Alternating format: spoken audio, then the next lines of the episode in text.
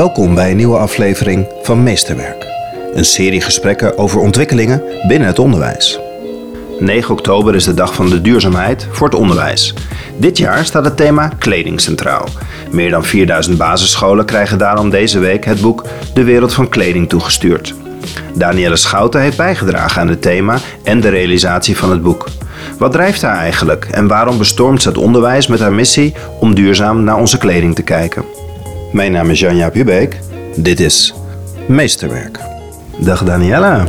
Goedemorgen. Wij zitten in Westzaan, onderaan een schattige dijk in jouw houten huis. En voor ons op tafel ligt jouw nieuw boek. Klopt. En de titel van het boek is De Wereld van Kleding. Dat heb je samen gemaakt met meerdere partners, waaronder de duurzame Pabo. En het gaat over het gebruik en het hergebruik met name van kleding. Ik ben heel benieuwd, wat, wat is de maatschappelijke urgentie dat jij vond dat er aandacht moest komen voor de kleding- en de textielindustrie? Een hele mooie beginvraag. We hebben zoveel. We hebben zoveel spullen. En vooral eigenlijk heel veel kleding. En uh, eigenlijk is er steeds meer duidelijk dat de kledingindustrie misschien wel behoort tot een van de meest vervuilende industrieën. Ja, dat, dat kan gewoon niet meer. Het wordt wel eens vergeleken met het nieuwe plasticprobleem. En daarvoor vind ik het tijd voor verandering. En uh, ik denk dat er eigenlijk uh, met, met kleine stapjes best wel grote impact kan worden gemaakt om anders met onze kleding om te gaan.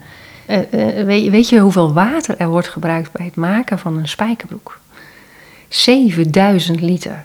Dus dat, dat, dat. Als je dan dus die spijkerbroek maar vervolgens één of twee keer draagt, of je, en je laat hem vervolgens jaren in je kast liggen, of je gooit hem weg. En heel veel mensen gooien hem dan ook nog eens gewoon weg bij het restafval en dan wordt hij verbrand.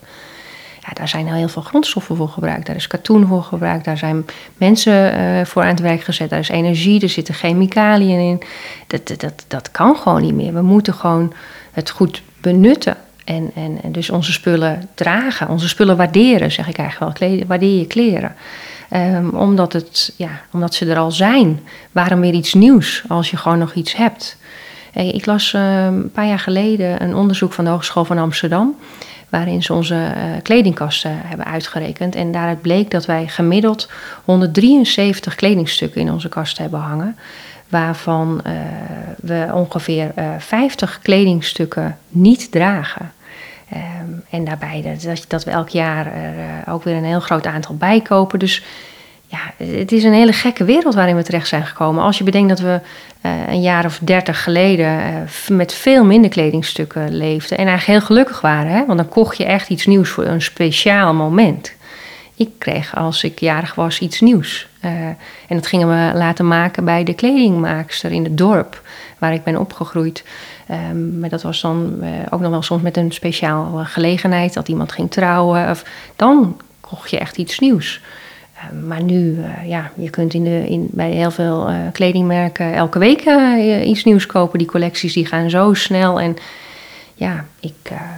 Is de, is de kledingindustrie een beetje de consumptiemaatschappij zonder dat we het echt doorhebben? We kopen makkelijk kleren, kleren zijn goedkoop. Zijn we eigenlijk weggedreven van dat we doorhebben hoeveel schade het aanlegt, hoeveel waarde het eigenlijk heeft? Kijk maar eens wat je draagt. Het zijn vaak dezelfde kleren die je draagt. En, en dan pak je ze alweer als, uh, uit de wasmachine, zeg maar, uh, of, uh, van de waslijn, als ze weer droog zijn. Dus, dus heb je dat echt allemaal nodig? Het is, het is het, we denken het ja, consumeren, hè? Er zit ook het woord meer in, maar misschien moeten we wel consuminderen. Uh, om, om ook ons steentje bij te dragen aan, uh, aan ja, de, verandering, de veranderingen ten opzichte van ons klimaat. Gewoon de impact die, dat, dat het op het milieu heeft. Dat we gewoon ja, veel te veel spullen hebben. En eigenlijk ook dat door het groeiende aantal uh, ja, zeg maar wereldburgers. als, we, als, als iedereen zoveel zou gaan kopen, dan, dan gaat het eigenlijk helemaal mis. Je zei net eigenlijk al, hè? textiel is eigenlijk het nieuwe plastic. Klopt. Alleen van plastic zijn we ons ontzettend bewust.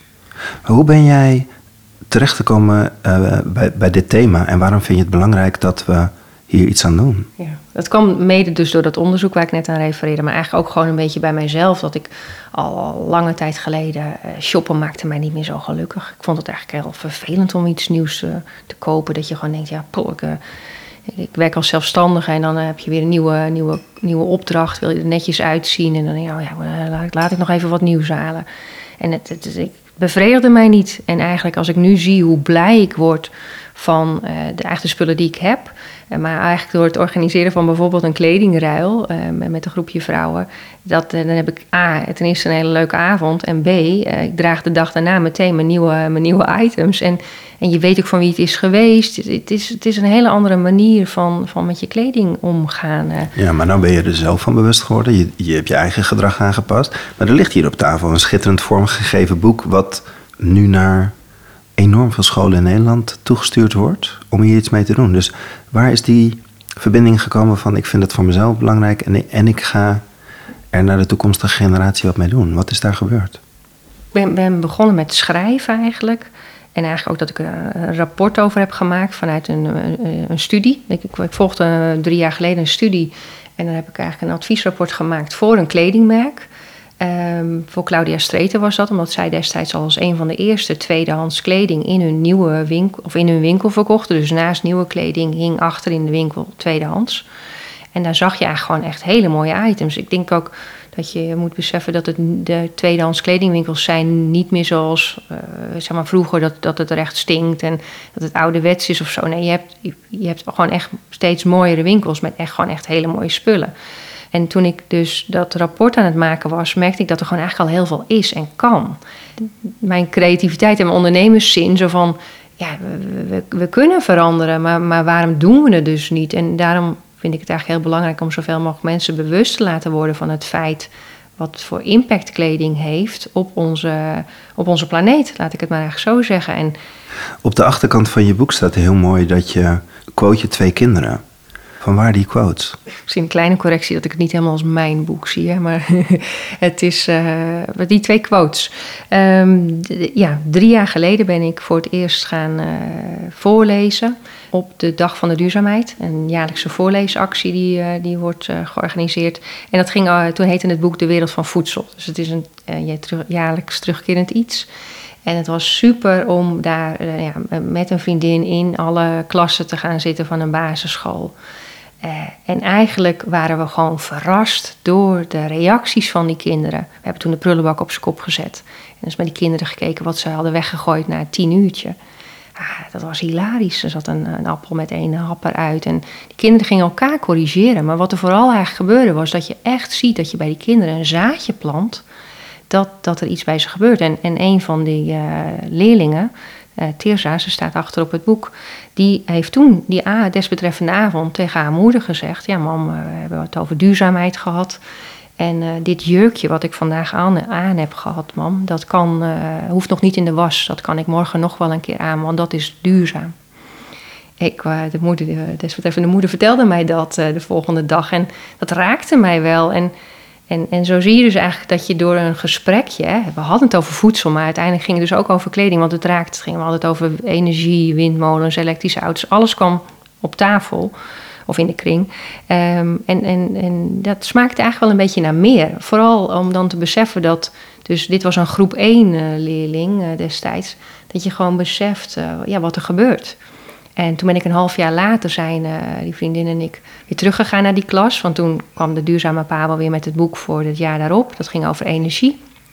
En er werd een oproep gedaan voor tekening. Want het boek is verrijkt met prachtige illustraties. En uh, toen hebben we dus meegedaan om tekeningen in te sturen. En het vonden we het ook gewoon leuk om weer nog even een vervolggesprek te hebben in één, in één klas. En nou ja, daar kwam de quote van Mees op de achterkant vandaan.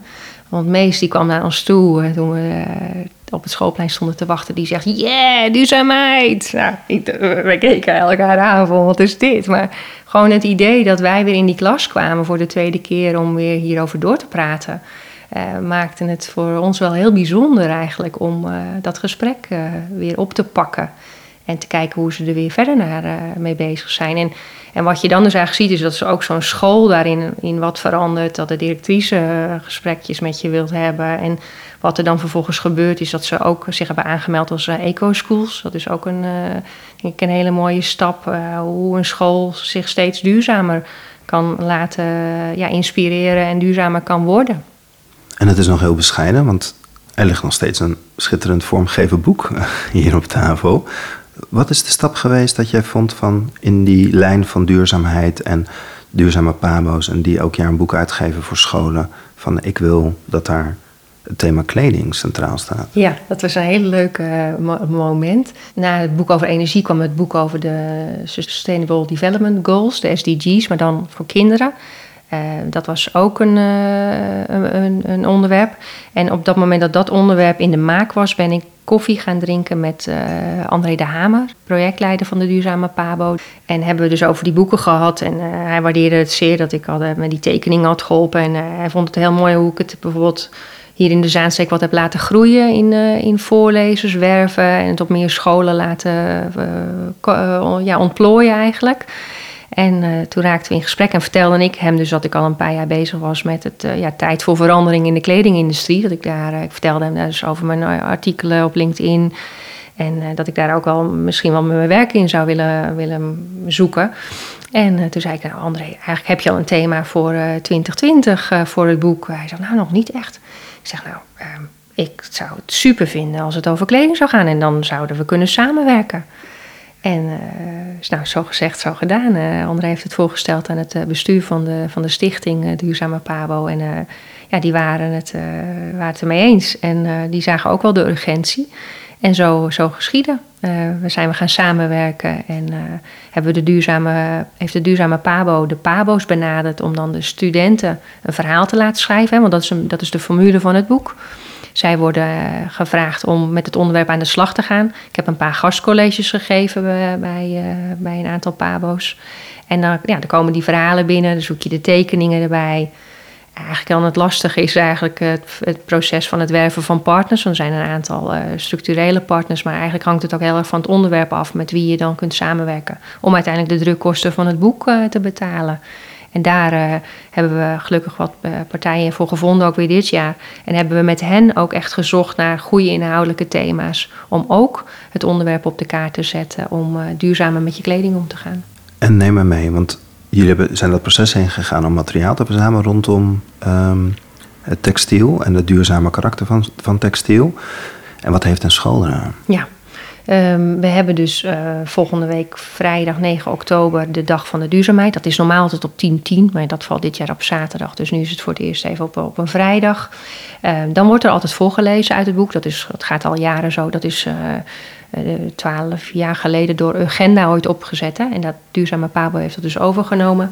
Ja, en even voor de luisteraar. De Duurzame Pabo is een netwerk tussen Pabo's en basisscholen... die zich actief inzetten voor, voor duurzame ontwikkeling in het onderwijs en schoolorganisaties. Hè? Dat is een beetje de samenvatting klopt, volgens mij. Klopt, ja. Ja, ja. ja. Dus we hebben die dag van de duurzaamheid... waarin dan een duurzaamheid thema centraal staat. Ja, en dan speciaal voor het onderwijs, zo wordt dat eigenlijk gezegd. En dan zijn er veel activiteiten in Nederland. Um, en een van die activiteiten, uh, wel de wat, de wat grotere, is de voorleesactie. En uh, dit jaar wordt er op meer dan 4000 basisscholen voorgelezen uit het boek. En dat komt met name door aan, uh, voorlezers die zich ja, bijna elk jaar aanmelden, die we gewoon hebben, die fanatiek zijn. Maar ook bijvoorbeeld uh, bestuurders. Er zijn bijvoorbeeld wethouders uh, die, die een verhaal gaan voorlezen. Maar met name wordt er voorgelezen door PABO-studenten, die dus via hun PABO-docent, die zitten, hebben hier ook weer een rol in. Sommigen dus al het verhaal bij hebben geschreven. Die dan het boek hebben gekregen en die dat meenemen onder hun arm, zeg maar, als cadeautje. Want zo zien we het eigenlijk. Het is een, een boek als cadeautje van de duurzame PABO naar de basisscholen toe. En dan is het super als daar de stagiaires zeg maar, uit voorlezen, maar dat mogen ook de docent zijn. Dat kan ook een extern iemand zijn. Um, ja, en er wordt er voorgelezen uit dit boek? Ja, ja, uit een van de 16 verhalen. Ja, ja, ja, het zijn 80 pagina's. Hè. Misschien moeten we dat wel even zeggen. A4 ook. Hè. Ja, het, is echt een, het is echt een onderwijsboek. Dus het heeft, het heeft 16 verhalen, uh, met name geschreven door de PABO-studenten. Um, ik heb zelf ook een verhaal geschreven, um, maar ook um, de lessen. En dat is zeg maar eigenlijk wel een beetje, denk ik, de, de oproep die we hier in deze podcast kunnen maken van ja, um, ja, sowieso lees voor, um, maar, maar ga er verder mee aan de slag. Er zit bijvoorbeeld trouwens ook uh, twee liedjes in, Engelstalig hebben we juist gekozen, om, om de wat uh, jongere kinderen mee te nemen in, uh, in dit onderwerp. Bijvoorbeeld om je kleding eens wat minder te wassen. Dat is eigenlijk ook gewoon een heel duurzaam iets. het houdt je kleding lang en mooi, maar ook het watergebruik dat we hebben bij, bij het wassen. Hetzelfde geldt eigenlijk ook voor, voor het drogen van de was. Gewoon dat soort kleine dingetjes proberen we eigenlijk kinderen al mee te geven. En helpen kinderen bijvoorbeeld thuis met de was. Hè? Gewoon dat soort dingetjes ook. Ehm, maar de lessen die we hebben ontwikkeld, dat was voor mij iets nieuws, laat ik dat ook zeggen. Maar vond ik onwijs mooi om, om, te, om te doen. Om eigenlijk dus met wat je hebt geleerd de afgelopen jaren, om dat dan in een les te verweven. Maakte het voor mij soms ook wel heel lastig. Want ja, de lessen voorheen waren eigenlijk twee pagina's. Maar ik dacht, ja, dit is nog een beetje een nieuw onderwerp. Dus ik moet de docent ook helpen om het onderwerp goed te begrijpen. Dus daarom heb ik aan elke les een stuk, ja, een stuk kader eigenlijk weggegeven om hen ook op weg te helpen om met dit onderwerp aan de slag te gaan. En zo was er bijvoorbeeld al een les over verven met planten en bloemen. Dat, dat stond al in een boek 32 lessen voor de toekomst. Een boek dat al eerder is uitgegeven via André de Hamer. De basis heb ik daarvan genomen en dan vervolgens heb ik het eigenlijk weggezet van hey, vroeger uh, deden we dat eigenlijk ook. En, en met wat voor materialen hebben we. We kunnen in Nederland bijvoorbeeld hebben we gewoon de mogelijkheid om uh, vlas te telen. Hè. Dat, dat, gebeurt al in, uh, bijvoorbeeld in de buurt van Gelderland. Maar ook hennep wordt er, wordt er geteeld. Dus er zijn eigenlijk heel veel dingen die we vroeger in Nederland deden op het gebied van textiel. Die zijn we eigenlijk allemaal weer een beetje ja, verloren. Er zijn, is, naar andere landen gegaan, want daar dachten we dat het goedkoper is. Maar eigenlijk als je het zou gaan omrekenen en de, de echte prijs van een kledingstuk zou uitrekenen, dan uh, denk ik dat het eigenlijk veel duurder is geworden doordat we het naar het buitenland zijn, uh, zijn gaan brengen. Ja, dus je, je vertelt veel informatie in, in korte tijd. Dus als ik het even samenvat, het boek bestaat uit een aantal verhalen die als inspiratie eigenlijk zijn, als, als verhalend over duurzaamheid rondom textiel.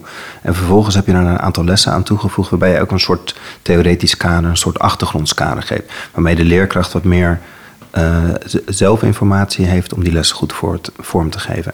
En, en dan vervolgens kan hij in zijn klas of op zijn school, of haar school uiteraard, daarmee aan de slag. Dus zodat het congruent is van verhaal tot achtergrond tot, tot actie. Met als bedoeling, volgens mij, dat we duurzamer met textiel omgaan. Klopt, klopt. Maar, maar indirect misschien ook wel om zaadjes te planten bij leerlingen. Die, uh, ja, wie weet, uh, ontstaan er wel ondernemers. Hè? De, dan kijk ik met name even naar de bovenbouwleerlingen. Uh, ja, de, de, hoe gaaf zou het zijn? Hè? Als we denken even aan een Bojan Slat. Hè? Die was volgens mij 13 dat hij begon met het bedenken van zijn onderwerp. Ik hoop eigenlijk dat we met dit boek. en ik krijg er kippenvel van nu. Dit, eigenlijk, dit bedenk ik eigenlijk nu tijdens dit gesprek wie weet eh, vinden we wel de nieuwe Boyan Slat die iets kan verzinnen op uh, de, onze uitdaging om die kledingberg uh, te verminderen. Ja, ja, dus je probeert echt de verbeeldingskracht aan te zetten om er een antwoord op te vinden. Juist, want en, ja. en er kan al heel veel. Um, maar hoe mooi is het als kinderen dat zelf uh, gaan beseffen? Hoe gaaf zou het zijn als, als er weer naaimachines op, op scholen komen? Dat we weer, of, of bij kinderen thuis, uh, maar dat, dat we bijvoorbeeld van tweede kledingstukken één gaan maken. Um, of of uh, refereer ik weer even aan, aan Teersa op de achterkant die, van het boek. Die heeft voor haar broertje van een oude broek en een, en een sweater dat uh, die haar broertje niet meer droeg, en weer een nieuw item gemaakt. Maar ook dat je gewoon met textielstiften aan de slag kunt gaan. Textiellijm is er vandaag de dag gewoon. Hè? Dus je hoeft ook niet meteen met naald en draad aan de slag te gaan. Je kunt eigenlijk echt heel veel. En, en eigenlijk uh, ja, is dat bijna op een, voor kinderen eigenlijk een hele makkelijke manier. Maar ook denk ik voor scholen om te bedenken dat als je Um, stel dat uh, sommige scholen bestellen nog wel eens nieuwe, nieuwe shirtjes voor het sporten. Of stel er is een festiviteit. Ja, is dat echt nodig om dat nog te bestellen? Daar zou ik wel uh, vraagtekens bij willen zetten. Of, en sowieso, als je echt iets maakt, stop er nooit een, een jaartal op. Want door, door iets het jaartal 2020 te geven, is het volgend jaar alweer een oud kledingstuk. Dat zijn gewoon dingen die niet meer niet meer zouden mogen. Maar er zijn ook ondernemers in Nederland die bijvoorbeeld oude lappen stof opkopen die, uh, die op de markt niet meer worden verkocht. En die maken daar nieuwe shirtjes van. Dus als stel dat je nou iets nodig hebt voor een school, ga dan naar dat soort alternatieven kijken. Maar zorg dat er geen nieuwe grondstoffen voor uh, hoeven te worden gebruikt. Maar misschien ook wel voor de musical, hè, de eindmusical uh, die elk jaar plaatsvindt op scholen. ja, dat, dat daar nieuwe kostuums voor zouden worden gekocht of, of iets dat kan ik me bijna niet voorstellen. Maar dat, eh, of carnaval. Uh, ik heb geen idee hoe dat natuurlijk dit jaar gaat plaats, uh, vorm gaat krijgen. Maar misschien kunnen ze met heel veel, eh, ja, dat noemen we dan eigenlijk meer restmaterialen. Maar dat je gewoon van oude kledingstukken weer iets nieuws maakt. Gewoon, het zou mooi zijn als we ons beseffen dat er eigenlijk al zoveel is dat we bijna niks meer nieuws nodig hebben. Klinkt misschien een beetje gek, maar, maar, maar ik denk dat het kan. En natuurlijk hebben we af en toe wel iets nieuws nodig voor ons gevoel, maar dat kan misschien wel gewoon iets tweedehands zijn. Of als je echt iets nieuws gaat kopen, ga op zoek naar kledingitems die zijn gemaakt van hergebruikte materialen. Nou, zei in het, in het boek staan verhalen, ook van van jou, maar ook van Pabo-studenten. Welk verhaal heeft jou heel erg geraakt? Ehm, een verhaal waar ik eh, heel blij van werd was bijvoorbeeld het Koningsdagverhaal. Uh, dat is ook natuurlijk iets wat, wij, uh, wat bijna iedereen wel heeft. Van hey, dan ga je ook ja, naar de vrije markt om ja, spullen te kopen. Maar heel veel kinderen gaan juist ook natuurlijk verkopen. En dat er een meisje was die op Koningsdag haar kleding ging verkopen. En dat haar moeder dacht van, oh nou, dan, eh, alles wat ze heeft verkocht, gaat ze vast wel weer iets nieuws uh, van kopen. Maar dat het meisje uiteindelijk dacht, nee mam, ik heb genoeg kleding. Ik ga liever een, uh, sparen voor een elektrische scooter. Zoiets is de, is de, de, climax in het verhaal. en, en, en dat vond ik een hele mooie, maar ook een verhaal over een, ja, een kledingmonster. Dat vind ik echt een heel mooi fantasierijk verhaal dat dat kledingmonster vroeger eigenlijk vrij klein was, omdat we toen nog niet zoveel kleding hadden. Uh, en dat dat monster nu echt gigantisch groot is geworden, omdat hij al onze kleding die we niet meer dragen moet opeten. En dat is, daar is ook een prachtige tekening bij gemaakt. Um, uh, als laatste vraag, hoe hoop jij dat het boek gebruikt gaat worden op een school? Neem me even mee, hoe zie jij dat hmm. voor je vanuit jouw perspectief? En ik, ik beluister verhalen, ik beluister lessen, je wil een zaadje planten die, die boeken gaan nu al die scholen in. Hoe hoop je dat dat gebruikt wordt? Ik hoop dat de boeken stuk worden gelezen. Um, en daarmee bedoel ik dat ze nou ja, volgende week uh, sowieso uh, dat eruit wordt voorgelezen uh, op de dag van de duurzaamheid voor het onderwijs. maar dat eigenlijk het boek ja, wordt, wordt opgepakt van een, een thema-periode op school, maar misschien wel ook een aantal wetenschap- en technieklessen die ervoor kunnen worden ingezet. Um, om echt gewoon met het thema aan de slag te gaan. Dat, dat de kinderen kunnen, kunnen leren hoe, hoe kleding wordt gemaakt. Uh, daar zit dan een les bij in. Ja, voor mij is duurzaamheid straks het nieuwe normaal. Um, en daarmee hoop ik eigenlijk met dit boek um, uh, ja, weer een stap verder in te kunnen maken dat, dat, het, dat we die kant op gaan. Wat ik zelf graag gebruik zijn de R'en. Ik zeg altijd maar, je hebt, uh, er zijn een heleboel R'en die worden gebruikt in de, in de terminologieën voor de circulaire economie. Circulaire economie is ook een hele lastige definitie. Er zijn, daar zijn honderden, honderden definities voor. Daar vallen we de kinderen niet mee nee, lastig, nee, maar, maar vijf R'en kunnen helpen. Juist. En de eerste is eigenlijk uh, refuse en de tweede is reduce. En die zitten heel dicht bij elkaar.